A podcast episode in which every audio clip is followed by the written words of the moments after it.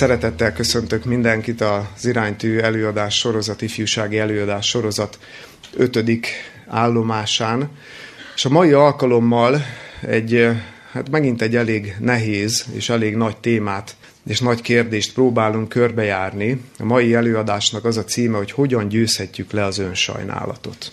Ugye azt hiszem, hogy az önsajnálat, mint lelki jelenség talán nem ismeretlen senki számára, vagy esetleg meg is kérdezem, hogy ki az, aki, aki még soha nem sajnálta magát egy kicsit se. Nem, nem, nem nagyon látok kezeket a magasba lendülni. Én azt gondolom, hogy az önsajnálat egyébként az egyik legalattomosabb eh, lelki magatartás, amely megfoszt minket a, a valódi szabadságtól, a valódi, valódi boldogságtól, az egyenrangú és minőségi kapcsolatoktól, attól az élettől, amit a Biblia is úgy jellemez, hogy emelt fővel járni. Az emelt fővel járástól, ettől megfoszt minket az önsajnálat, és amikor én elkezdtem készülni erre az előadásra, akkor felidéződött bennem nagyon élénken egy gyermekkori eset. És ez úgy nézett ki, körülbelül olyan 7-8 éves lehettem, és volt egy BMX-em, nagyon szerettem, és nagyon szerettem vele farolgatni. És direkt kerestem az olyan helyeket, ahol úgy jól, jól lehetett vele úgy farolni, ugye olyan kontrafékes volt, és lehetett csúsztatni. És emlékszem egy esetre, nyári napon egy utcán farolgattam éppen, és egyszerű jól neki lendültem, és aztán akkor át sikerült farolni, hogy el is estem. Nem fájt az esés, de mégis azon kaptam magamat, hogy sírok. És azon gondolkoztam, hogy miért sírok, miért teszek úgy, mintha most valami olyan dolog történt volna, ami nagyon-nagyon fájna. És aztán gyorsan kiderült a dolog, illetve ahogy így visszagondoltam, ugyanis volt ennek az esésnek egy szemtanúja, egy felnőtt ember, nem tudom mennyi lehetett annyira erre, már nem emlékszem, 30-40 körüli felnőtt férfi ott éppen sétált a járdán, én meg az úton ott feküdtem, és ugye a segítségemre igyekezett. És, és arra emlékszem, hogy, hogy ez, a, ez a pillanat, vagy ez a, ez a történés, hogy ő ott van, és ő szemtanúja volt ennek, a, ennek az esésnek, valahogy ez hozta fel bennem azt, hogy, hogy én úgy tegyek, mintha, mintha nagyon-nagyon-nagyon fájt volna ez az esés, és aztán feltettem azokat a kérdéseket, hogy de, de vajon miért? És arra jöttem rá, hogy azért, mert azt akartam, hogy az az ember sajnáljon engem. Hogy ez az ember de, együtt érezzen velem, vagy hogy, vagy hogy vigasztaljon engem. Csak ugye itt meg abba a bökkenőbe ütköztem, hogy ha nem is fájt, mert tényleg nem fájt, akkor miért akartam én azt, hogy ez az ember megvigasztaljon. Teljesen logikátlan a dolog. Hát, ha nem is fáj, akkor miért vágyok mégis, mégis vigasztalás? És azon gondolkoztam, hogy, hogy de mi, mi, van, mi van ennek a jelenségnek a mélyén? És aztán rájöttem, hogy, az egyik legfőbb oka annak, hogy, hogy én akkor ott úgy tettem, mint hogyha nagyon fájna, miközben nem is fájt, sőt, még emlékszem arra is, hogy sírtam, az azért volt, mert el akartam terelni a figyelmét annak a másik embernek arról, hogy én most itt elestem, hogy, hogy én ezt egy kudarcnak éltem meg. Ezt egy hibának éltem meg, hát nekem nem szabadna elesni. És, és elestem, és inkább úgy döntöttem, és annyira élénken emlékszem arra a pillanatra, hogy dönthettem. Hogy dönthettem volna úgy, hogy egyszerűen felállok, és megyek tovább, leporolom magamat, és még azt is mondom, hogy köszönöm szépen, minden rendben van. Hát nem történt sem, és tényleg nem történt nagy dolog. Hát elesik az ember, van ez így. De nem így döntöttem, hanem úgy döntöttem, hogy én inkább sajnáltatni fogom magamat. Mondom, 7-8 éves lettem, de ahogy felidéződött bennem ez az emlék, élénken emlékszem rá, hogy történt egy döntés, hogy inkább átadtam magamat az önsajnálatnak. És arra is rájöttem, hogy, illetve feltettem még egy miértet, hogy, hogy de, de miért nyúl az ember, és miért nyúltam én is ehhez, ehhez az eszközhöz, és arra jöttem rá, hogy azért, mert mert, szü, mert ilyen ellenállhatatlan szükségét éreztem annak, hogy, hogy valahogy így fedezzem azt a hiányzó önbecsülést, amivel én nem rendelkeztem. Hát, hogyha van egy embernek, akár egy gyereknek egészséges, normális önbizalma, vagy önbecsülése, ugye erről a harmadik előadásban beszélgetünk, akkor hogy reagál egy ilyen szituációban? Fel kell, reporolja magát, megy tovább, és farolgat megint. De akinek nincsen önbecsülése, az szégyenként éli meg a hibát és a kudarcot. És az, amikor én azt akartam kicsikarni a másikból, hogy együtt érezzen, hogy sajnáljon, akkor egy olyan dolog volt bennem, és egy olyan gondolat, egy olyan érzés, hogy ha sajnál engem, akkor bizonyára nem is vette észre, vagy mint hogyha olyan meg nem történté akartam volna tenni ezt az eseményt. És csak azért hoztam ide, azért idéztem fel ezt a rövid kis történetet, pillanatképet az életemből, hogy érzékeltessem azt, hogy az önsajnálat az mennyire egy összetett lelki jelenség. Tehát, hogy nem egy olyan problémáról beszélünk, vagy nem egy olyan lelki magatartásról beszélünk, ami egy olyan nagyon egyértelmű. Annyira alattomosan leplezés átszázza magát ez a, ez a dolog, hogy nehéz azonosítani. Mi van benne? Mi van az önsajnálatban? Milyen összetevői vannak? Benne van az, hogy felnagyítjuk a problémát, és a legtöbb esetben egyébként innen indul. Történt egy esés, hogyha most ennél a példánál maradunk, elestem, de én óriási módon felnagyítottam ezt a dolgot, mint hogyha valami tragédia történt volna. Tehát a problémák felnagyítása, ami minden esetben együtt jár azzal, hogy a valóságot meghamisítjuk. Tehát, hogy a, hogy a valóságot nem a maga realitásában látjuk, hanem ugye a bolhából elefántot csinálunk. De az már nem az a valóság. Már csak el akarom hitetni, hogy, hogy az úgy volt. Benne van az önsajnálatban a felelősségnek a, a, az elhárítása, vagy áthárítása másra, körülményekre, más emberekre. Az önsajnálkozó ember elkerüli a felelősséget, nem akarja vállalni a felelősséget, és áthárítja másokra, azáltal, hogy áldozatnak mutatja be magát. Mert ha én áldozat vagyok, akkor onnantól kezdve nem az enyém a felelősség. Hát én abban a helyzetben én csak áldozat vagyok. Tehát ez az egyik legjobb módja annak, hogy lerázzuk magunkról a felelősséget, mint ahogy én is áldozatként ott fetrengtem, hogy mennyire fáj, közben meg nem is úgy volt. De benne van az önsajnálatban a kudarcoknak az elkerülése is. Az a vágy, hogy kerüljük el a hibákat, kerüljük el a kudarcokat, vagy ha nem tudjuk elkerülni, akkor legalább próbáljuk meg elfedezni. Próbáljuk meg úgy tenni, mintha az nem is történt volna meg. Ez is egy nagyon jellemző összetevője a, az önsajnálatnak, de van még valami, amit meg, amiről mindenképpen említést kell tenni. Az önsajnálatra mindig nagyon jellemző az is, hogy arra irányul, hogy másoknak az együttérzését, a szeretetét, a szánalmát felébresszük. Igaz, hogy ilyen nagyon ilyen ilyen hátsó ö, módon, ami egyáltalán nem tisztességes, majd erről beszélünk részletesebben, de benne van mindig ez a vágy az önsajnálatban, hogy mások engem sajnáljanak.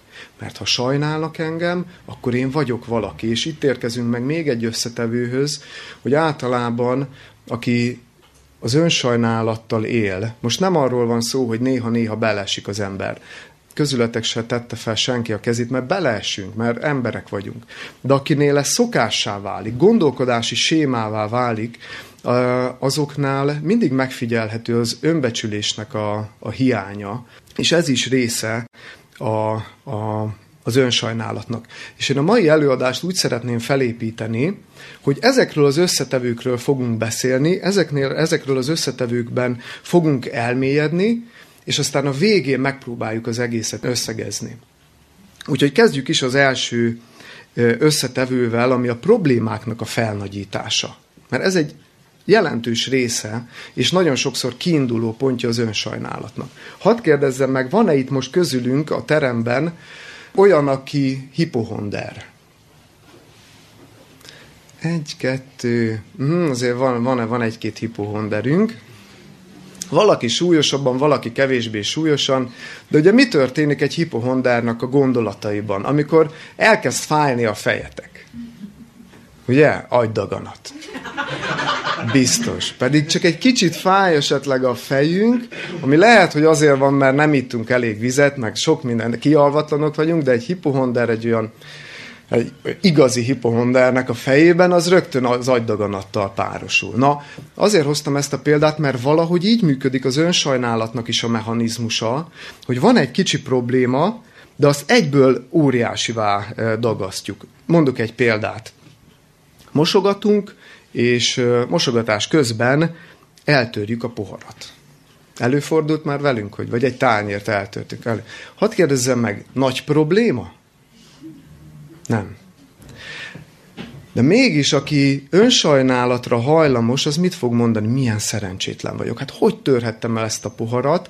És egy pici apró problémából csinál egy óriási problémát. És az a baj ezzel, hogy minél többet mondogatjuk magunknak, hogy milyen szerencsétlenek vagyunk, és hogy hogy, hogy csinálhattam miért, hogy eltörtem egy poharat, annál inkább valószínű, hogy ez meg is fog valósulni. És a végén oda jutunk, hogy már az egész pohárkészletet eltörjük, mert, mert eljutunk oda, hogy bebizonyítjuk magunknak, hogy tényleg mi milyenek vagyunk. És, és, és az egész, látjátok, onnan indul, hogy, hogy bolhából elefántot csináltunk.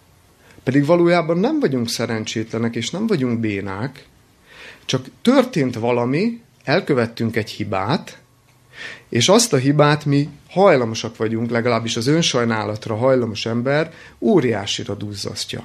Bolhából elefántot csinál. És itt érkeztünk meg, hogy igyekszem minden egyes összetevőnél adni egy gyakorlati tippet és egy gyakorlati tanácsot, hogy hogyan emelkedhetünk ki ebből, vagy hogyan győzhetjük le az önsajnálatot. És az elsőhöz meg is érkeztünk, és van egy nagyon gyakorlatias megközelítés ennek a dolognak, hogy ne csináljunk a bolhából elefántot. Mégpedig az, hogyha történik egy hiba, csinálunk valamit, valami rosszul sikerül. Tegyük fel magunknak a kérdést, álljunk meg, és tegyük fel magunknak a kérdést, hogyha öt év múlva visszatekintünk erre az eseményre, akkor is olyan jelentőség teljes, mint ahogy most hisszük. És hogyha az a, vála, a válaszra, vagy a kérdésre az a válasz, hogy nem, akkor reagáljunk a valóságnak megfelelően. Ne annak megfelelően, hogy milyen nagynak látjuk, hanem mi már visszahoztuk magunkat a realitásnak a szintjére, és annak megfelelően reagáljunk. Biztos, hogy a helyes reakció nem az önsajnálat lesz, mert hogyha öt év múlva visszatekintünk, és ez egy jelentéktelen esemény, akkor kezeljük most is úgy. Mert ha öt év múlva az lesz, akkor most is az. Tehát akkor mindjárt mi a helyes reakció? Eltörtem, tovább lépek a dolgon. De ha az derül ki, és a kérdésre az a válasz, hogy igen, ez öt év múlva is egy nagyon fontos esemény lesz, nyilván nem egy pohár eltöréséről van szó, valami komolyabb dolog, akkor is a valóságnak megfelelően kéne reagálni, és akkor sem az a helyes reakció, hogy önsajnálkozunk, mert azzal csak tetézzük a bajt hanem akkor is mi a helyes megoldás, vagy mi, mi lenne a helyes reakció, úgy, hogy megoldási fázisban kerülünk, hogy akkor hogyan tudok ezen túllépni, hogyan tudom megoldani ezt a problémát, de amikor elkezdjük mondani, hogy jaj, elkövettem egy hibát, és tényleg valami komoly dologról van szó, pontosan a megoldástól tart vissza bennünket az, hogyha elkezdjük magunkat vádolni, vádolni és korholni. És ezen a ponton szeretnék utalni egy történetre a problémák felnagyítása összetevőnél, hogy a Bibliában van leírása az önsajnálatnak.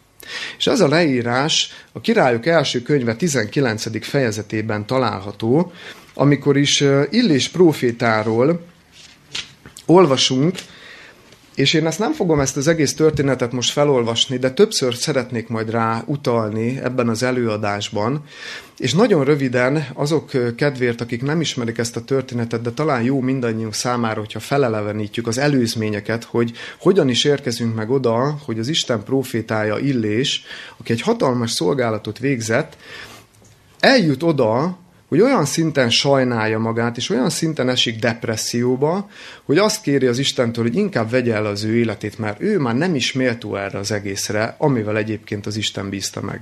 Ugye Illés próféta Izrael történetének egy olyan korszakában munkálkodott, amikor a legmélyebb lelki állapotban volt a zsidó nép, ugyanis a bálvány istenek és a bálvány imádat olyan méreteket öltött, hogy már alig-alig volt kitapintható, hogy valaki még az Istent követné. Ugye köszönhető volt ez Akáb király feleségének, Jézabelnek, aki egy pogány királynő volt, és ő meghonosította a különböző Baál meg Assera kultuszokat, és három és fél évig ugye nem esett az eső, az Isten visszatartotta, hogy észhez térjen a nép. És amikor elment Illés a három és fél, végé, három és fél év végén, hogy ítéletet mondjon, akkor összehívta az egész népet és a Baál papokat is a Kármel hegyére, hogy akkor most már öntsünk tiszta vizet a pohárba, hogy derüljön ki, hogy akkor ki az igaz Isten. És arról szólt ez a történet, hogy felállítottak a Baál papok is, akik több százan voltak, Illés egyedül állt, egyébként szemben az egész tömeggel. A Baál papok, mondom, több százan voltak, felállítottak két áldozati oltárt. És mind a kettőre ugye áldozati állatokat helyeztek, és ugye az volt a próba lényege, hogy annak van igaza, és az az igaz Isten, akinek a szavára tűz fog alájönni az égből, és megemészti az égő áldozati oltárt. Na most a Baál papok kezdték az imádkozást, hogy, hogy akkor jöjjön le a tűz, és emészze meg, hogy kiderüljön, hogy hát, na, hát nekünk van igazunk. És ugye Illés itt még olyan erővel, olyan lelki erővel bírt, hogy amikor már órák óta próbálkoztak a papok, és nem történt semmi, akkor még oda is szólt, hogy hát kiáltsatok hangosabban. Hát talán alszik az Istenetek, hogy nem akarja megemészteni? Tehát, hogy olyan lelki ereje volt, és annyira biztos volt magában, hogy még ilyen, ilyeneket is szólt. És, és utána, amikor ő került sorra, akkor kérte, hogy öntsék le az áldozati oltárt vízzel. És leöntötték, és azt mondta, hogy még egyszer. Tehát dupla mennyiségű vizet raktak rá, és utána imádkozott, és az imádsága végén tűz jött alá az égből, és megemésztette az áldozati oltárt, és mindenki számára nyilvánvaló volt, hogy ki az igaz Isten. És ezek után ugye a Baál papokat legyilkolták, és megpróbálták ugye kiírtani ezt az egész kultuszt, de másnap az történt, és itt érkezünk meg az egy királyok 19-hez, hogy Jézabel, amint meghallotta a királynő, hogy mit cselekedett ez az illés, hogy leölte az ő profétáit, meg az ő papjait, akkor megfenyegette egy követ ö, ö, útján, és ö, azt mondta, hogy ugyanúgy fogok cselekedni a te életeddel, mint ahogy te cselekedtél ezeknek az embereknek az életével. És mi történt? Illés kétségbe esett. Úgy olyan szinten megfélem lett, hogy elmenekült, egy fenyőfa alá, illetve egy bokor alá bevetette magát a pusztában, és ott kért azt, hogy halljak meg, nem vagyok én méltó, belefáradt, elfáradt. Utána 40 nap és 40 éjjel szaladt egészen a Hórep hegyéig a szövetségkötésnek a helyszínére, ahol a zsidó nép eh, annak előtte megkapta a tíz parancsolatot. És eh, miért hozom ezt ide? Hogy felolvassam nektek a tizedik verset, az egy királyok 19.10-ből, ahol látjuk azt, hogy Illés mennyire elkezdte sajnálni magát, és hogy milyen szinten esett depresszióba. Elhangzik egy kérdés, amikor megérkezik a Hórep hegyére az Istentől, hogy mit csinálsz itt Illés? És a következő választ adja Illés. Ő pedig mondta, nagy búsuláson van az Úrért, a seregek Istenéért, mert elhagyták a te szövetségedet az Izrael fiai, a te oltáraidat lerontották, és a te profétáidat fegyverrel megölték, és csak én egyedül maradtam, és engem is halára keresnek. Hát ugye szándékosan olvastam fel e, ilyen hangsúlyozással, mert hogy talán valahogy így hangozhatott el, hogy teljesen kétségbe van esve.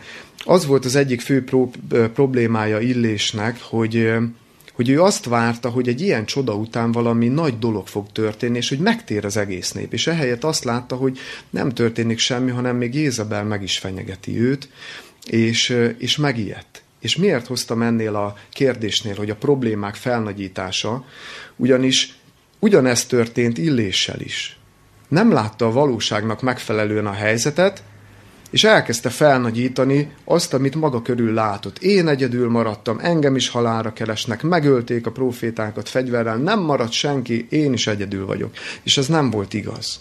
A történet végéből kiderül, hogy 7000 ember volt még, aki, aki nem állt be a, a bálványkultuszok mögé, nem állt be a, a, az idegen Istennek szolgálatába, hanem továbbra is az Istennek szolgált, csak épp ezt valahogy elfelejtette Ill, és meg nem látta ezeket. Tehát felnagyított egy problémát, és aztán ez azt eredményezte, hogy a valóságot is torzan, és nem a maga realitásában kezdte látni.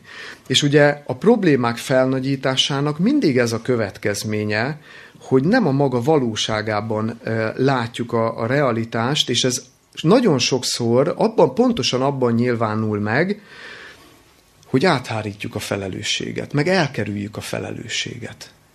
Meg gondoljatok bele, amikor, amikor áthárítunk egy felelősséget, és azt mondjuk, hogy nem én voltam, meg azért nem én vagyok a hibás, akkor mit csinálunk? Meghamisítjuk a valóságot. Nem a valóságnak megfelelően szólunk vagy cselekszünk. És pontosan ez történik, itt még egy e, igét szeretnék ugyanebből a szakaszból felolvasni a negyedik versben, az egy királyok 19.4-ben, amire már utaltam, csak szeretném fel is olvasni, hogy amikor elkezdett rajta az önsajnálat erőt venni, akkor, akkor mi történt? Ő pedig elment a pusztába, egy napi járóföldre, és elment, leült egy fenyőfa alá, és könyörgött, hogy hadd halljon meg, és mondta, elég, most, ó Uram, vedd el az én lelkemet, mert nem vagyok jobb az én atyáimnál. Hogy én már arra sem vagyok méltó, hát az atyáim azok még csak-csak csináltak valamit, de én már semmit nem tudok csinálni, én már nem vagyok méltó, én már csak meg akarok halni. Ez mi ez, hogyha nem a felelősségnek az áthárítása? Ami onnan indul, hogy felnagyít egy problémát. Mert az Isten bízta meg ezzel a szolgálattal, ő meg le akarta magáról ezt rázni. De egy picit hétköznapibb eh, szituációba is szeretném ezt az egészet helyezni, mert ugyanis a második pontnál vagyunk, hogy a felelősség elkerülése és áthárítása, ami alapvető összetevője az önsajnálatnak. Maradjunk a poharas példánál, hogy összetörtük a poharat. Összetörtük a poharat mosogatás közben, hazajön a párunk, a testvérünk, anyukánk, apukánk, teljesen mindegy, hogy kicsoda, és felteszi a kérdést. Te törted össze a poharat? És ha mi úgy tekintünk a pohár összetörésére, hogy ez valami hatalmas esemény volt, és félünk a következményétől, hogy most rajta kapnak minket, hogy na mi is történt, akkor a következő válaszok fognak születni.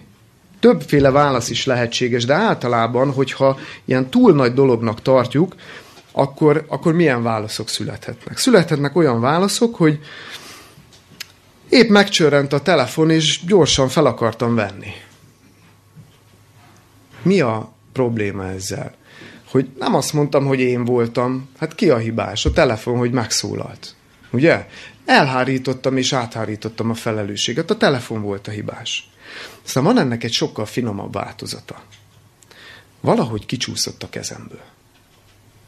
Megint csak nem azt mondtam a kérdésre, hogy te törted össze a poharat, hogy igen, én voltam, hanem egyszerűen kicsúszott valahogy a kezemből. Mi ez? A véletlennek a műve volt. Ugye? Ilyenkor meg, meg megint csak elhárítottam a feleségem, megint nem mondtam ki, hogy mi volt ezzel a probléma. A, vé, a véletlen, véletlen okozta. De aztán van egy nagyon rafinált és nagyon ravasz változata, a legkifinomultabb változata, hogy hogyan háríthatjuk el magunktól a felelősséget. Ez pedig a következő, amikor azt mondja valaki egy ilyen szituációban, igen, igen, én voltam, ezt akartad hallani, nem? A felelősség áthárításának, vagy a felelősség elkerülésének a legkifonomultabb eszköze az az, amikor magunkra vesszük a felelősséget, de csak a szavunkkal. Valójában nem történik felelősség, vállalás, csak úgy teszünk, mintha igen, igen, persze. De benne van ez, hogy nem vállaljuk ezért sem a felelősséget. És, és hogy hogyan lehet e fölött győzni, ez a második tanács, vagy ez a második gyakorlati tip, hogy hogyan győzhetnénk e fölött, nagyon egyszerű. Ki kell mondani a varázs szót. És ez a varázs szó a következőképpen hangzik, én voltam. Ilyen egyszerű lenne, hogy én voltam. Mert hogyha vállaljuk a felelősséget, azért, amit tettünk, még akkor is, hogyha a körülmények is közrejátszottak benne, meg sok minden közrejátszott, de hogyha vállaljuk a felelősséget, és ezt ki is mondjuk, és utána azt tapasztaljuk, hogy mégsem dőlt össze a világ, és hogy a szeretteink meg mások azért, mert elkövettem egy hibát, még ugyanúgy szeretnek, ugyanúgy elfogadnak, ugyanúgy támogatnak, akkor ezáltal megszűnhet bennünk az a kényszer, hogy másokból valamiféleképpen ö, olyan sajnálatot vagy, vagy szánalmat ö, ébreszünk, megszűnik az a kényszer, hogy áldozatként mutassuk be magunkat, vagy áldozatként tetszelegjünk magunk előtt, mert elfogadtuk a helyzetet, és kimondtuk, hogy igen, én voltam. És nem indul be az az ördögi kör, hogy már megint sajnáltassuk magunkat, vagy hárítsuk a, hárítsuk a felelősséget. Megszűnik az, hogy, hogy áldozatként tekintsünk saját magunkra. Mert az is áldozat, az, az is ebbe a kategóriába tartozik. A véletlen műve volt, meg az a hibás, meg ő a hibás. Ilyenkor mind-mind-mind áldozatként próbáljuk beállítani magunkat. De folytatjuk tovább, hogy a felelősség áthárításnak a mélyén, hogyha még egy szinten mélyebbre próbálunk menni, akkor megint csak találunk még ott mást is. Ugyanis a felelősség áthárításnak a mélyén mindig ott van egy másik lelki motiváció is, mégpedig a kudarcok elkerülésének a vágya. Vagy a kudarcoknak a kudarcok elfedezésének a vágya. És itt szeretnék ö, idézni egy kortárs költő, prózáíró és műfordítót, a Takács Zsuzsát, aki a következőt mondja az önsajnálatról. Azt mondja, az önsajnálat rossz sugó, megpróbálja megtakarítani nekünk a kudarcot. Azt mondja, az önsajnálat rossz sugó megpróbálja megtakarítani nekünk a kudarcot. És azt hiszem, hogy nagyon fején találja a szöget ez az idézet. Az önsajnálatban vergődő ember megpróbálja elkerülni azt, hogy hibát kövessen el, hogy, hogy kudarc érje egyáltalán az életben. És az a helyzet, hogy előbb-utóbb odáig tud jutni az ember a tartós önsajnálattal, hogy teljesen cselekvésképtelenné válik. Van egy ismerősöm, aki rendkívül jó képességű. Rendkívül jó képességekkel bír.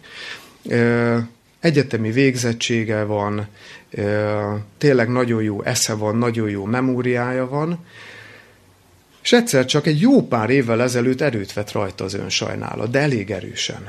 És eljutott a mai napra oda, te, szinte tényleg teljesen cselekvésképtelen.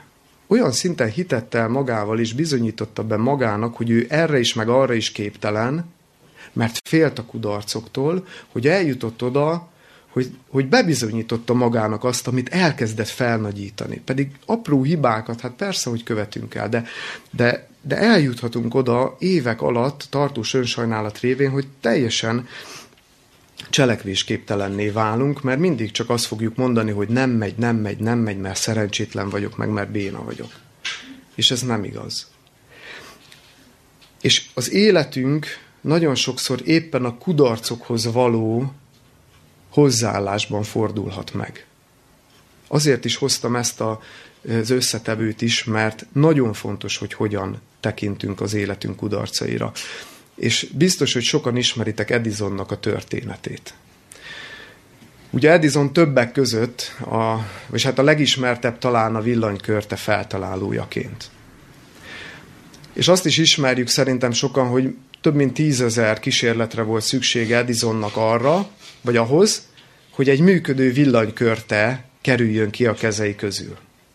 És amikor már a, nem tudom pontosan, hogy hanyadik kísérletnél volt az, hogy megkereste őt egy újságíró.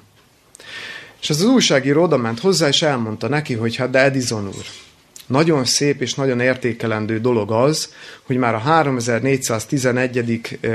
kísérletet végzi, de azért most már csak be kéne látni, hogy ez kudarccal járt, nem?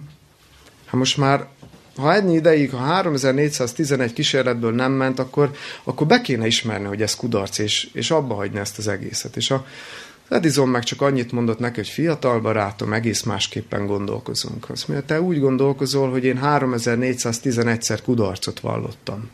Én meg úgy gondolkozok, hogy 3411 lépéssel előrébb járok a megoldáshoz. Azért Edisonnak volt önbecsülése, nem? azért nem mindenki tudta volna megcsinálni. De ez a harmadik gyakorlati tip, vagy gyakorlati tanács, hogy hogyan kezeljük az önsajnálaton belül is azt a lelki jelenséget, hogy félünk a kudarcoktól, el akarjuk kerülni a kudarcokat, úgy, hogy kezdjünk el másképpen gondolni a kudarcra. A kudarc az, az, az nem egy rossz dolog. És én azt szoktam mondani, hogy van egy, van egy, egy, egy jó dolog a kudarcban. Ez az, hogy biztosan be fog következni. De ha így állunk hozzá, hogy biztosan be fog következni, hát csak az nem hibázik, aki nem csinál semmit, akkor, akkor talán azon a lelki gáton átlendülünk, hogy, hogy féljünk és rettegjünk, hogy mások mit fognak szólni, meg én hogy tekintek majd magamra, meg biztos nem fog sikerülni, és már megint ott vagyok, hogy jaj, milyen béna vagyok, el se indulok. És hadd kérdezzem meg, hogy nem az a legnagyobb kudarc, hogyha csak egy helyben toporgunk? Hogy az, hogyha elindulnánk, és hibátikat is követnénk el, és mondom, ez a jó hír, hogy fogunk, de az mégsem kudarc, mert valamerre tartunk. Nem az a legnagyobb kudarc, hogyha a kudarctól való félelem miatt el sem indulunk, és egy helyben toporog az életünk. Az az élet, az milyen élet? Az, az már nem is élet, az csak egy vegetálás, az egy túlélés. Ezért a harmadik tanács és harmadik tipp, hogy gondoljuk át, hogy hogyan viszonyulunk mi a kudarchoz, az életünknek a problémáihoz, a hibákhoz. És próbáljunk meg rajta változtatni. Majd az összegzésbe kitérünk arra, hogy hogy mi is ennek az alapja. Mert könnyű ezt így kimondani. Ezt így nagyon könnyű kimondani, de megvalósítani, hogy átalakítani a gondolkodásmódot, az már egy másik történet. De mondom, erre ki fogunk térni. És az is olyan érdekes, hogyha meg is történik egy hiba, ha el is követünk egy hibát, akkor még az önsajnálat tehát elindultunk a cél irányába. De elkövetünk egy hibát, résen kell lenni, mert az önsajnálat itt mindig készen áll arra, hogy, hogy letámadjon bennünket, mert jó, elkövettük egy hibát, de az önsajnálat miatt elkezdünk majd úgy reagálni, hogy megpróbáljuk elfedezni azt, megpróbáljuk meg nem történté tenni, hogy, hogy ú, ez nem is volt, ez nem is volt, és valahogy az önsajnálatban lévő ember úgy gondolkozik ilyenkor, hogy ha a másik sajnál engem, mert azáltal próbáljuk a hibát elfedezni, hogy sajnálatot ébresztünk. Hogy magunkat egy ilyen sajnálatra méltó állapotban helyezzük, és ez kiváltja majd a másiknak a szánalmát, együttérzését, szeretetét, és valahogy úgy gondolkozunk ilyenkor, hogyha a másik ember engem sajnál, akkor már nem is a hibámat nézi, hanem akkor már engem sajnál, mert áldozat vagyok. És akkor az már olyan, mintha az a hiba az nem is lett volna olyan hiba. Sőt, akkor az lehet, hogy már meg se történt. És itt térünk rá arra, hogy, hogy ez a következő összetevője az önsajnálatnak, amiben mindig benne van a mások ember szánalmának, szeretetének, együttérzésének a megkaparintása. Vagy erősebb szóval megpróbáljuk kicsikarni a másik embernek a szánalmát, a szeretetét. Hogyan próbáljuk ezt megtenni? Egy önsajnálatban vergődő ember hogyan próbál szánalmat ébreszteni? És itt említést kell tennünk két testvéréről az önsajnálatnak. Ugyanis ezen a két testvéren keresztül próbáljuk mi sokszor másoknak a, a, a kedvességét és szeretetét elnyerni. Az egyik azt nem is mondom inkább ki, hanem megkérdezem, egy önsajnálatban élő ember mit csinál? Mi az, ami, mi az, ami nagyon jellemző az önsajnálatban lévő emberre? Panaszkodik. Köszönöm szépen, ez az egyik testvér. Most meg is állunk itt. Panaszkodás. Az önsajnálat az gyakorlatilag nem más, mint egy vég nélküli panaszáradat. És még ha el is jut az ember a panaszáradat végére mi történik? Kezdődik az egész előről. Biztos ismerős az a jelenség, vagy az a szófordulat, hogy nem akarok már megint panaszkodni. Már unom, de... De hát, hogy, hogy, hogy a Julcsi milyen volt velem, meg, a, meg a, a Tomi már megint mit csinált, meg különben is semmi jót nem reméltünk a következő választásokon sem, és különben is, az, és én is, és, és, és. Ismerős? Nem akarok panaszkodni, de. És jön, és jön, és újra, és, és megint, megint átveszi a hatalmat. Hogyan győzhetünk a panaszkodás fölött? Negyedik tipp, negyedik gyakorlati tanács. Töröljük ki a de szócskát a szótárunkból. Persze megint csak arról van szó, hogy nem olyan könnyű megtenni, de ha rajta kapjuk magunkat, és a panaszkodás egyébként egy, szerintem egy olyan jelenség, vagy egy olyan magatartás, amit viszonylag könnyű azonosítani, a másik testvér rafináltabb lesz, sokkal. A panaszkodáson még azért csak-csak rajta kapjuk magunkat. És amikor rajta kapjuk magunkat, akkor azt a deszócskát is rögtön töröljük ki a szótárunkból, és ami miatt panaszkodunk, akkor azt csináljuk meg inkább. Nem is kell még gondolkozni se. De tényleg, csak csináljuk meg, ami miatt panaszkodunk, minél gyorsabban tevékenységbe váltsunk át, mert akkor ez megszünteti a panaszkodó, megszüntetheti a panaszkodó ö, lelkületet. Hozok megint egy példát. Felgyülem lett egy csomó mosatlan. Az önsajnálatra hajlamos embernek mi a gyakori reakciója? Mit, mit, mit, szok, mit szokott, vagy a panaszkodó ember, hogyan szokott reagálni ilyenkor? Ami felgyülem lett egy csomó mosatlan, és nincs otthon senki, csak ti.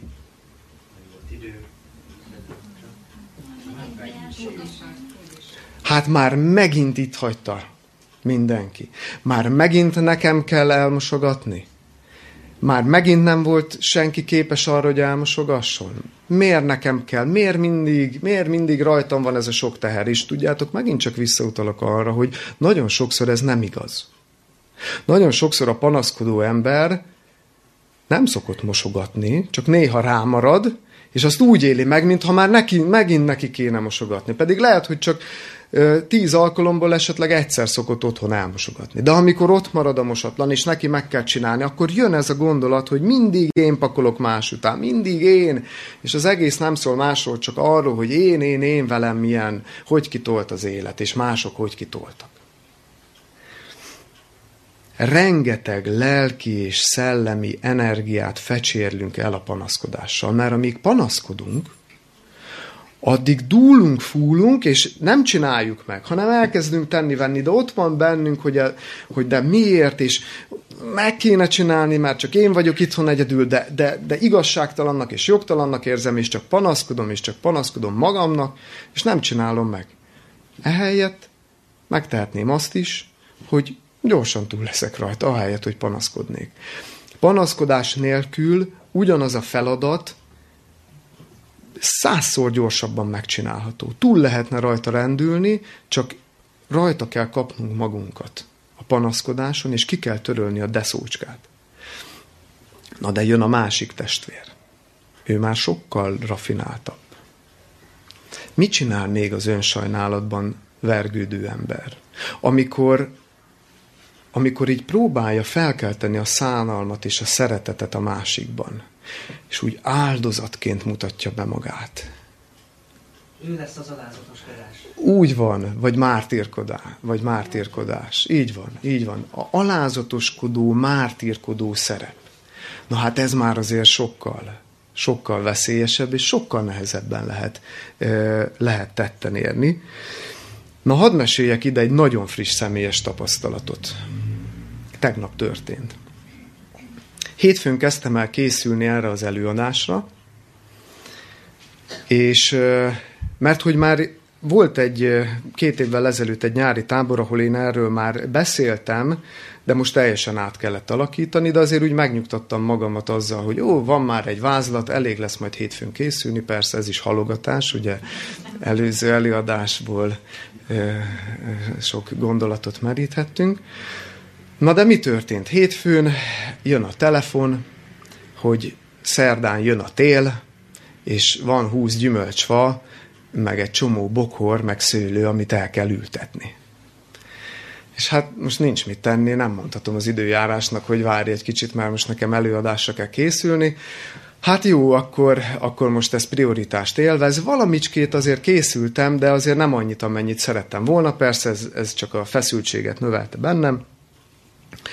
És hát így telt el a hétfő, aztán kedden nem sikerült hétfőn végezni a faültetéssel, kedden is ugyanez volt, közben készülgettem, de jött a telefon, és persze először azt mondtam, hogy én nem megyek, mert készülnök el, aztán mégis lementem, mert, mert fontosnak találtam.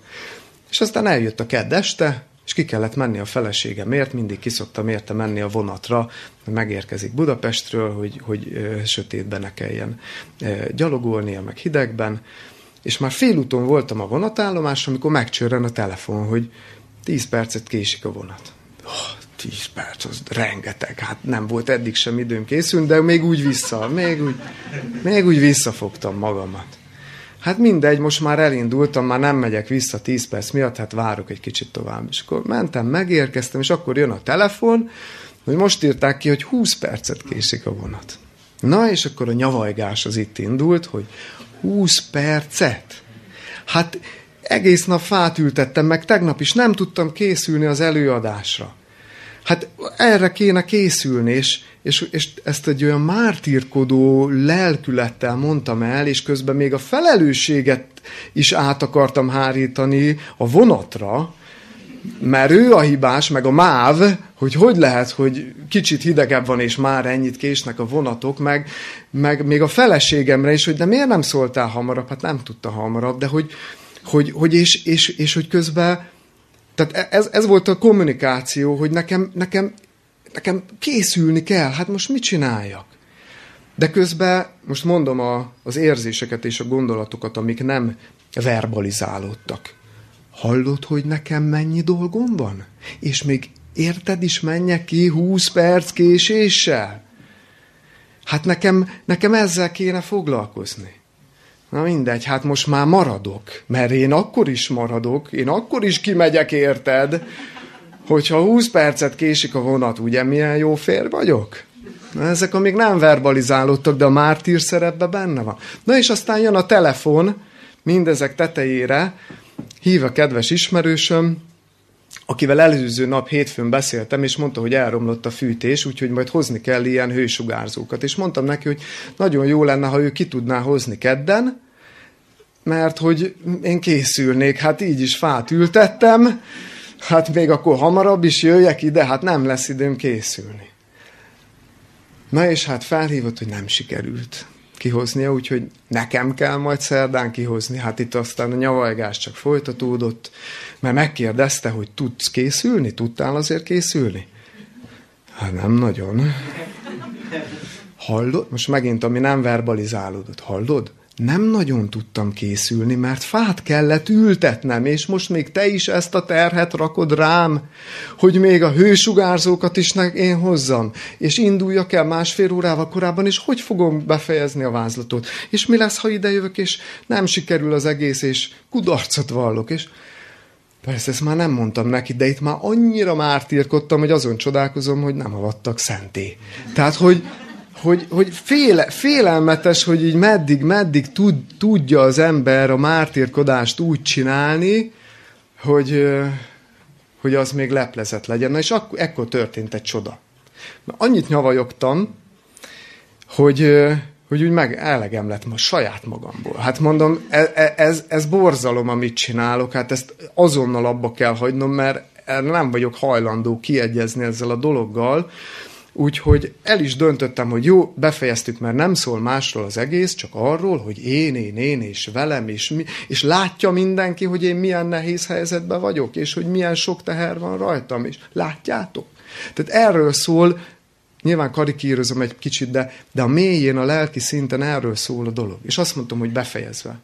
És mire megérkezett a feleségem, tényleg így elég jól el is tűnt ez a, ez a dolog, és kiderült, elkezdte ő is egyből mesélni, hogy milyen nehéz napja volt a munkahelyen, és tényleg, hát azért összehasonlítva az én problémámmal, az övé azért sokkal nagyobb volt, és, és el is döntöttem, hogy én most így kedveskedni fogok neki, és akkor hazaértünk, és megkérdeztem, hogy megmelegítsem a vacsorát.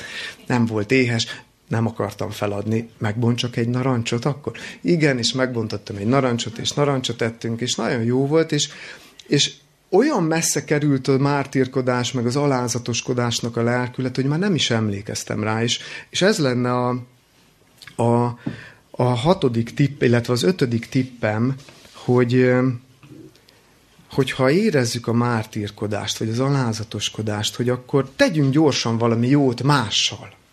Tehát tereljük el a gondolatainkat saját magunkról, és keressünk valakit, akinek nálunk is rosszabb napja volt, meg nálunk is több problémája van, és legyünk előzékenyek, legyünk kedvesek vele. És lehet, hogy nem egyből fogja meghozni a megoldást, de vissza fog ránk hatni, mert kikerülünk abból az ördögi körből, úgy szoktam mindig mondani, mint egy kiskutya, aki a farkát kergeti, olyan az önsajnálat, hogy, hogy, hogy, hogy, hogy nem látjuk a végét, és csak így egy homokos talajban még el is kezdjük lefúrni magunkat. Tehát, vagy mint egy örvény, olyan ez az önsajnálat.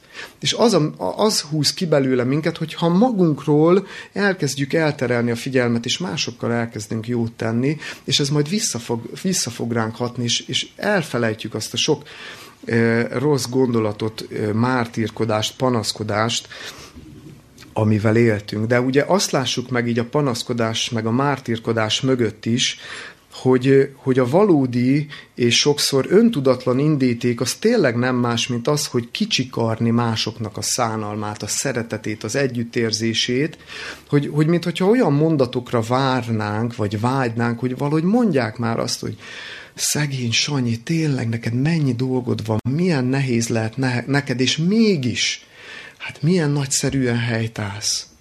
Mert ez jól esik a lelkünknek, és legalább, legalább büszkék lehetünk magunkra, hogy, hogy igen, látja mindenki, hogy milyen nehéz nekem, és hogy mégis milyen nagyszerűen helytállok ebbe. Szóval, hogy, hogy nagyon bonyolult és nagyon összetett ez az önsajnálat, és ugye feltehetjük a kérdést, hogy hát de mi azzal a baj, hogyha arra vágyunk, hogy mások szeressenek bennünket, hogy együtt érezzenek velünk, hogy megértsenek bennünket. Hát mi ezzel a probléma? Ezzel semmi probléma nincsen. Ezzel semmi probléma nincsen. Szükséges az, hogy egymáshoz ilyen közel legyünk és bizalmas kapcsolatban legyünk, hogy, hogy, hogy megértsük egymást, szeressük egymást, együtt érezzünk egymással. A probléma azzal van, hogy az önsajnálatban lévő ember, aki panaszkodik, meg mártírkodik, az úgy próbálja meg a szeretetet, meg az együttérzést megszerezni, hogy ilyen, hát ilyen nagyon nem tisztességes, meg ilyen hátulról megkerülős módon manipulációval. Ez nem szabályszerű. Ezt érezzük, erre nem, nem szükséges érvelés ehhez, hogy érezzük, hogy ez nem tisztességes. Ez nem tisztességes. Az önsajnálat gyakorlatilag a szeretet koldulásnak az egyik nagyon súlyos formája. Mert szeretett koldusok vagyunk. És így próbálunk szeretetet nyerni. És az a nagy kérdés, és így lépünk tovább az utolsó összetevőre, az önbecsülés, az önbecsülésre, hogy, hogy de miért nyúlunk mégis ilyen eszközökhöz? Azért nyúlunk ilyen eszközökhöz, hogy szeretetet nyerjünk, mert valahogy nem tudjuk elhinni magunkról, hogy értékesek vagyunk, szerethetőek vagyunk. Nem muszáj nekünk ahhoz semmit tenni, hogy mások elfogadjanak meg, szeressenek bennünket. De valahogy ezt nem merjük elhinni, mert nincs önbecsülésünk, és, és így próbáljuk ilyen hátsó utakon ki elnyerni az embereknek a, a, az együttérzését és szeretetét. És arról, hogy hogy önbecsülés, és hogy az önbecsülésünket próbáljuk fedezni ezáltal is, erről most nem szeretnék részletesebben szólni azért, mert a harmadik előadásban ezt kitárgyaltuk. De egy idézetet azért mégis engedjetek meg, hogy felolvassak, mert erre szeretnék majd utalni is a hátralevő időben, és ez a hatodik gyakorlati tanács, vagy tipp, hogy hogy hogyan is űzhető el az önsajnálat. Azt mondja, keresztény írónő 1908. december 10-én írta a következő gondolatot. A szív, amelyben Krisztus lakozik, annyira elégedett az ő szeretetével, hogy nem emészti a vágy önmaga sajnáltatására és a figyelem önmaga felé való felhívására. És szerintem nagyon tanulságos ez az idézet. A szív, amelyben Krisztus lakozik, annyira elégedett az ő szeretetével, hogy nem emészti a vágy önmaga sajnáltatására, és, ma, és a figyelem önmaga felé való felhívására. De hogyha egy picit elmélyedünk ebben, miről szól ez? Ez arról szól, hogy vannak lelki igényeink minden embernek szüksége van arra, hogy önmagáért szeresse. Ugye ezt az önbecsülésnél kitárgyaltuk, hogy, hogy mikor lehet egészséges önbecsülésre szerteni, vagy ahogy azonosítottuk, hogy emelt fővel járni. Hogyha azok az igények, amik teremtettségünknél fogva bennünk vannak, hogy biztonságra vágyunk, hogy együttérzésre, hogy szeretetre vágyunk, hogyha ezek nincsenek betöltve, akkor én azt meg akarom majd kaparintani. De közben látjuk, hogy ilyen eszközökkel próbáljuk megkaparintani. Ha viszont be van töltve, és erről beszél az idézet, akkor megszűnik ez a vágy. Megszűnik a szükségérzet, hogy én máshonnan fedezzem a szeretetéségemet. Ha egy tökéletes valakitől kapom a feltétel nélküli szeretetet, akkor önbecsülésem megvan, és akkor nem kell nekem másoktól ilyen, ilyen ravasz, meg hazug módon megszerezni a, a, az együttérzést. János első levele, negyedik fejezet, 16. versében találunk egyébként egy igét erről, aminek csak az első felét olvasnám, bár a felolvashatom az egészet is. Azt mondja János első levele, negyedik fejezet, 16. vers. És mi megismertük, és elhittük az Istennek irántunk való szeretetét. Az Isten szeretet, és aki a szeretetben marad, az Istenben marad, és az Isten is ő benne. Mit akarok ebből kiemelni? Hogy egy dolog ismerni az Istennek a szeretetét. Meg hallani róla, meg tudni róla. Egy másik dolog elhinni.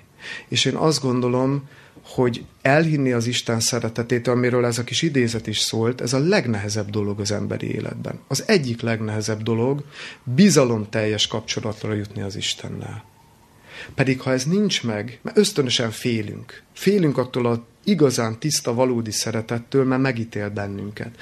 Félünk tőle, és ezért nagyon nehéz bizalomteljes kapcsolatra jutni, pedig el kell ide jutnunk, mert, mert hogy ez lehet, majd meglátjuk mindjárt az alapja annak a sok mindennek, amit itt felsoroltunk, és most szeretném összegezni az egész előadásban elhangzottakat, hogy, hogy menjünk végig újra, hogy milyen gyakorlati tanácsokat fektettünk le, hogy hogyan győzhetünk az önsajnálaton.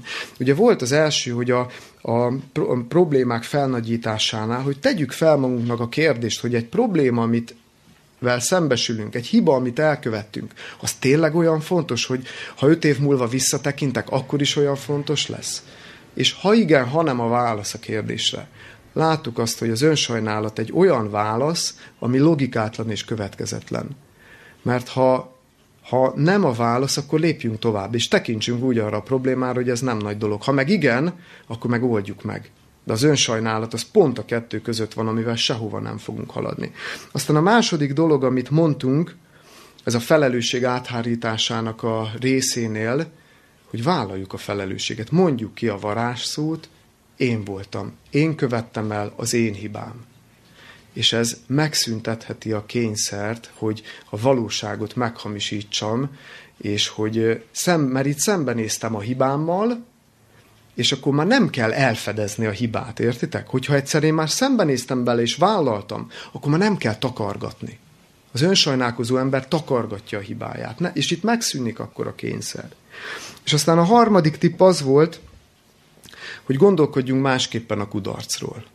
Ne úgy gondolkodjunk róla, hogy ha elkövetünk egy hibát, hogy mekkora hiba volt ez, hanem úgy, hogy majd legközelebb jobb lesz. És örülök, hogy beütöttem a fejemet, mert legalább mozgásban vagyok, és megtudtam, hogy nem ez az út, hanem azon az úton kell menni. De ha el se indulok, csak ott jaj, jaj, nem tudok választani, meg jaj, már, már, már indulni sem tudok, akkor, akkor soha nem fogom a fejemet se beütni. Soha nem fogok hibázni. És ez a legnagyobb kudarc, hogyha nem hibázunk, ha nem követünk el kudarcokat, az a legnagyobb kudarc.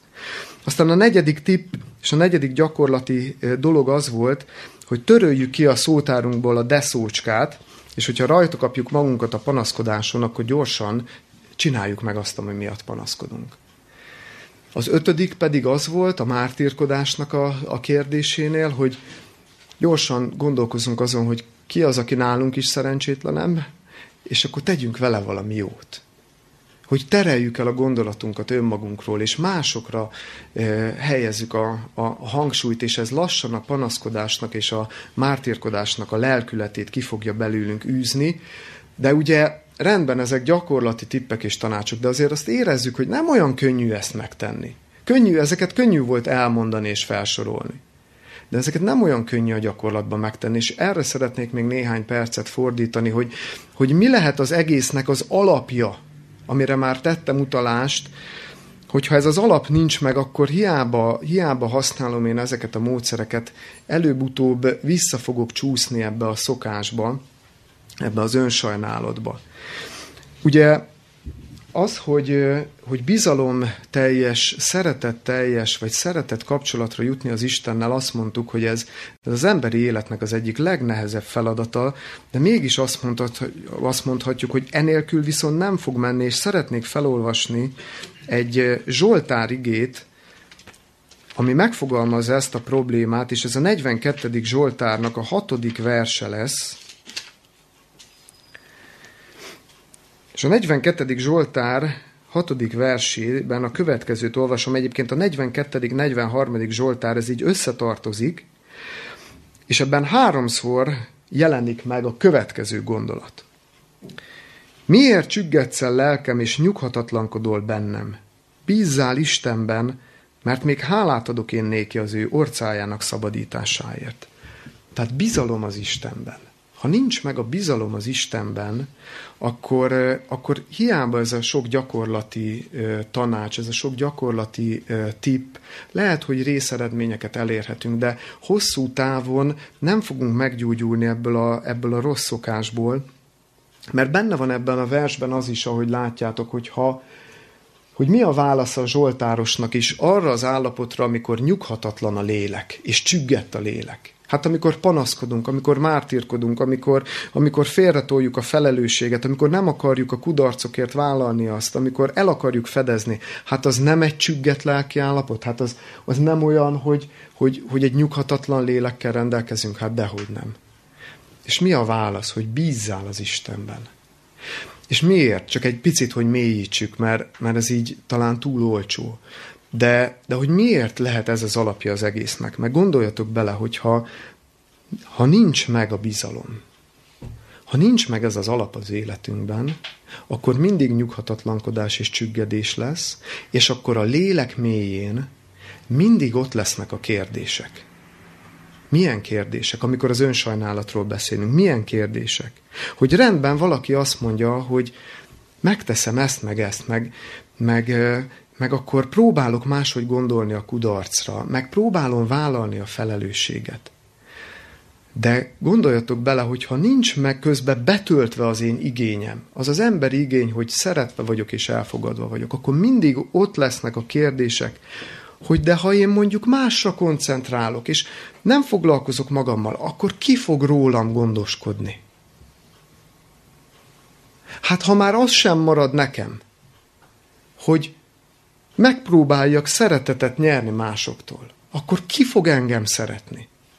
Ezek olyan súlyos kérdések, amivel ritkán nézünk szembe, de ez van a mélyén. Viszont ha be van töltve, ha tudom, hogy engem szeretnek, akkor megszűnik a kényszer arra, hogy, hogy én másoktól próbáljam ezt fedezni. De mondom, ez nem könnyű. Van Emil Azsárnak egy idézete, ami úgy hangzik, az Előttem az élet című könyvéből úgy hangzik, hogy fél a szív a szeretettől, mintha halált hozna rá, mert megöli a sötét zsarnokot, az ént. Nagyon tanulságos idézet. Fél a szív a szeretettől, mintha halált hozna rá. Miért? Mert megöli a sötét zsarnokot, az ént. És gondoljatok bele, még akkor is, még azt is jobban elviseli az ember, hogy panaszkodik, hogy mártírkodik, hogy egy olyan stratégiát használ az életben, amivel nem jut előrébb, de legalább van valaki, és úgy érezzük, hogy legalább az egónk a helyén van. Hiába egy zsarnokról van szó, mert nem fog nekünk valódi boldogságot adni az, hogy így próbáljuk meg, így próbálunk meg szeretetet nyerni, meg nem fog boldogságot adni, hogy közben a kudarcokat sem vállaljuk, meg a felelősséget sem, meg felnagyítjuk a problémánkat, de legalább van valaki, és azért nehéz a bizalomra jutás az Istennel, mert érezzük, hogy ez az egónkat le fogja taszítani a trónról.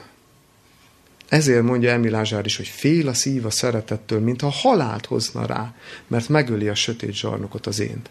De ha nincs meg ez, és ide kell eljutni, akkor, akkor válhat majd valóra, hogy, hogy ezeket a gyakorlati tanácsokat esetleg be tudjuk építeni az életünkbe, de ugorjunk egy picit vissza Illés történetére, még ugyanennél a kérdésnél maradva.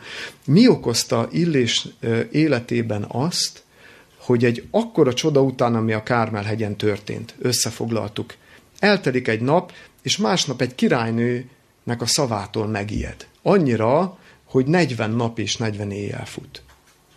Előtte meg azt mondta, a 450 baálpap volt előtte. Most képzétek magatok elő a szituációt. Egyes egyedül vagytok a véleményetekkel több ezer emberrel szemben.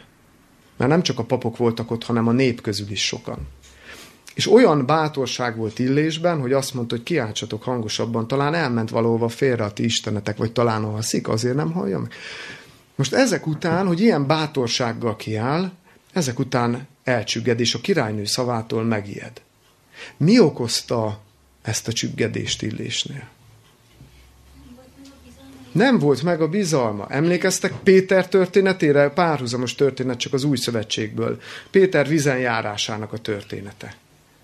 Kilép a csónakból, mert Krisztus hívja, és elkezd felé menni, és jár a vizen. Mikor süllyed el? És miért süllyed el? Mikor leveszi a tekintetét az Istenről. Nem is csodálom, hogy elsüllyedt.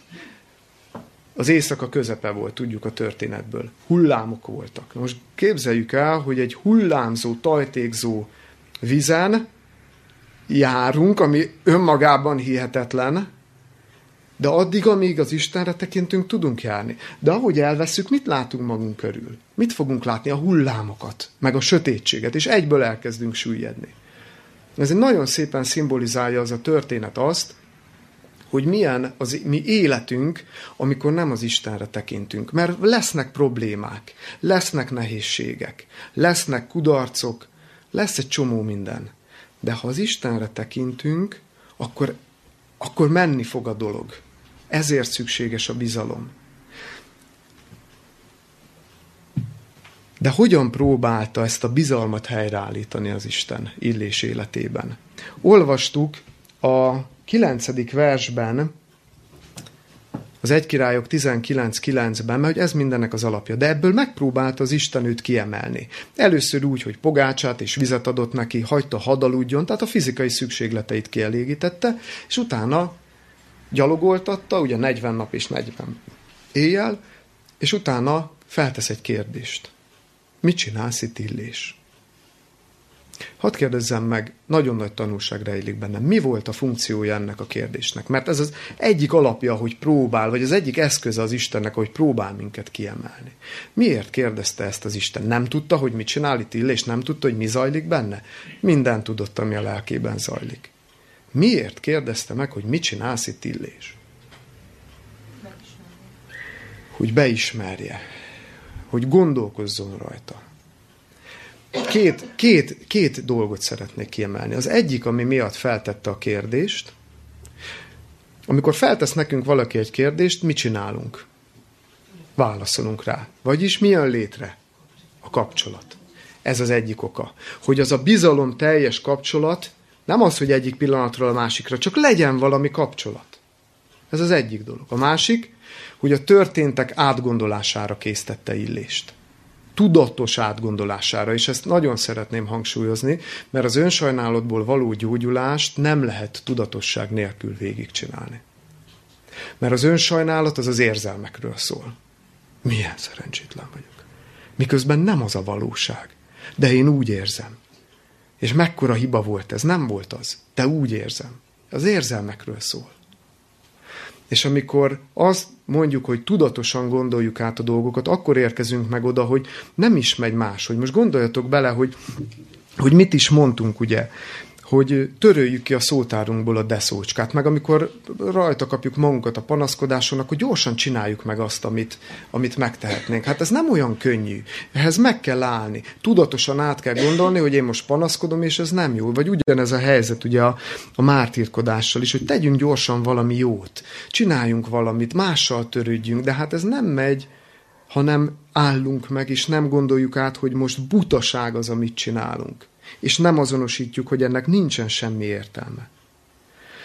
Szóval a tudatosság, a bizalom helyreállítása, a tudatos gondolkozás, mert a tudatossággal fogjuk tudni ezeket a tanácsokat megtartani.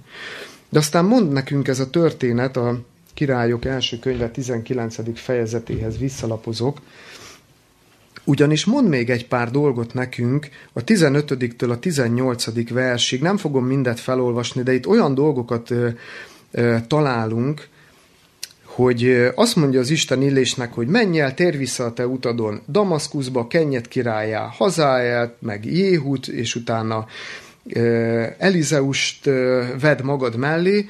Tehát mit csinál az Isten? Feladatokat ad. Tevékenységet ad.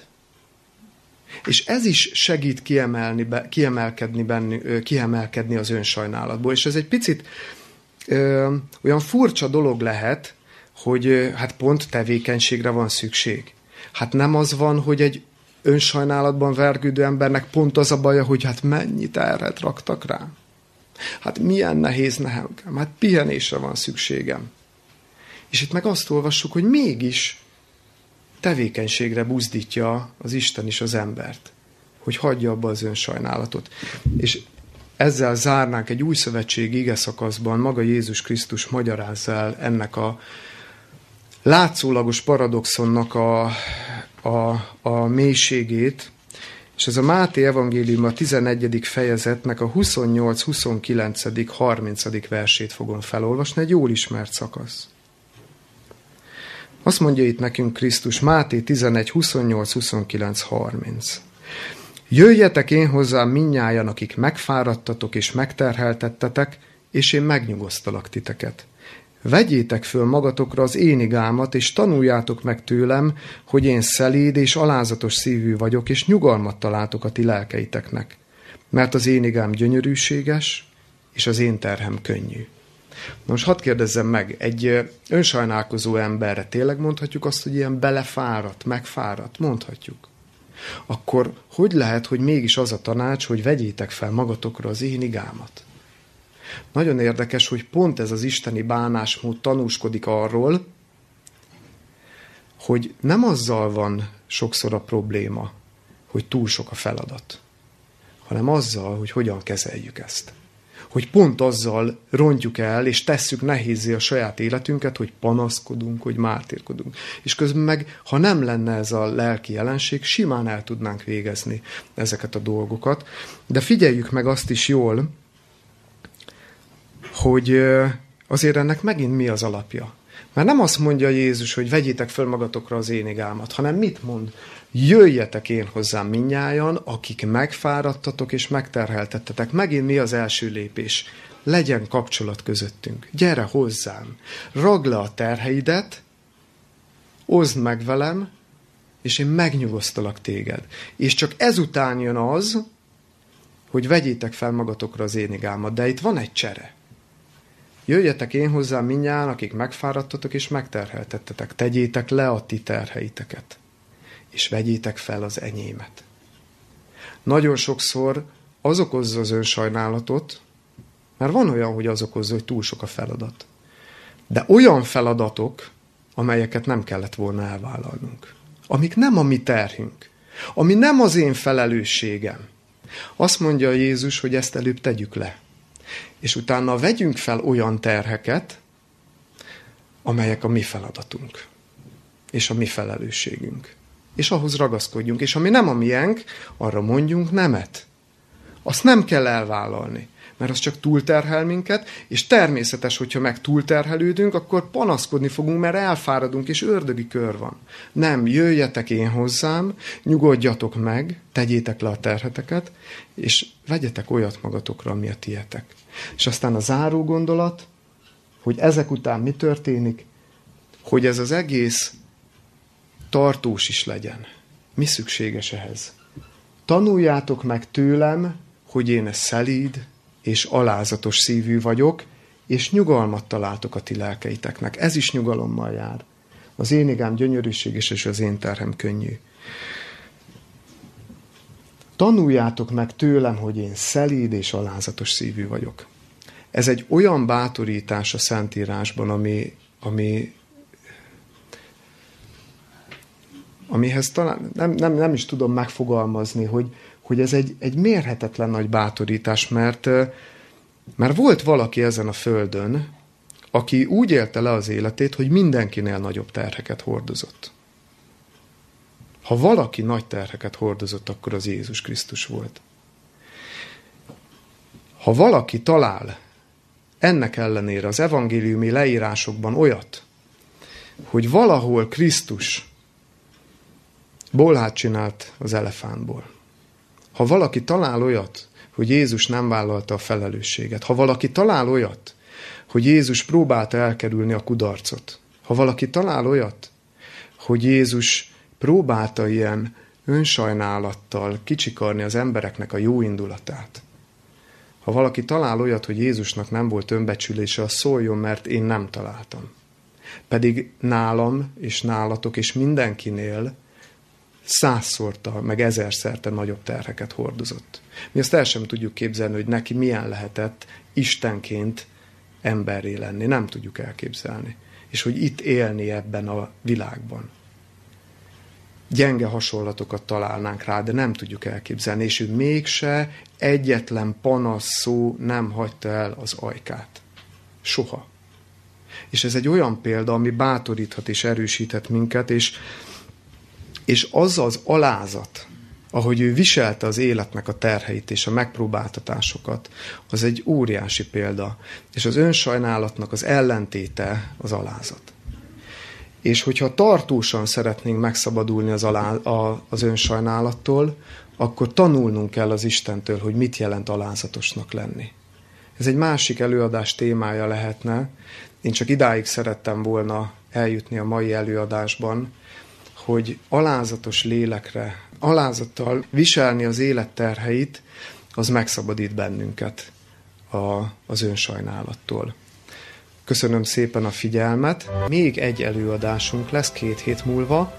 Annak az előadásnak az a címe, hogy alattomos gyilkos, egy alattomos gyilkos a szégyenérzet. A szégyenérzetről fogunk beszélgetni, hogy mennyire még talán az önsajnálatnál is leplezettebben gyilkolja az embernek a lelki világát és a személyiségét. Ennek próbálunk meg majd a mélyére ásni. Az lesz az utolsó előadás ebben a szemeszterben, de majd tavasszal folytatjuk, arról majd e-mailben küldöm a tájékoztatást, meg a szavazást, hogy milyen témákkal folytassuk. És lesz még egy bibliakör, ezt főleg az újaknak mondom, hogy ugye két hetente vannak az előadások, és és a váltó szerdákon ugyanitt, ugyanezen a helyen, ugyanúgy 6 órakor egy kis bibliakört szoktunk tartani. Most a példabeszédek könyvét nézzük át tematikusan, és az is az utolsó alkalomhoz érkezik. A témája az lesz, hogy az értelem erőfeszítései a hitért.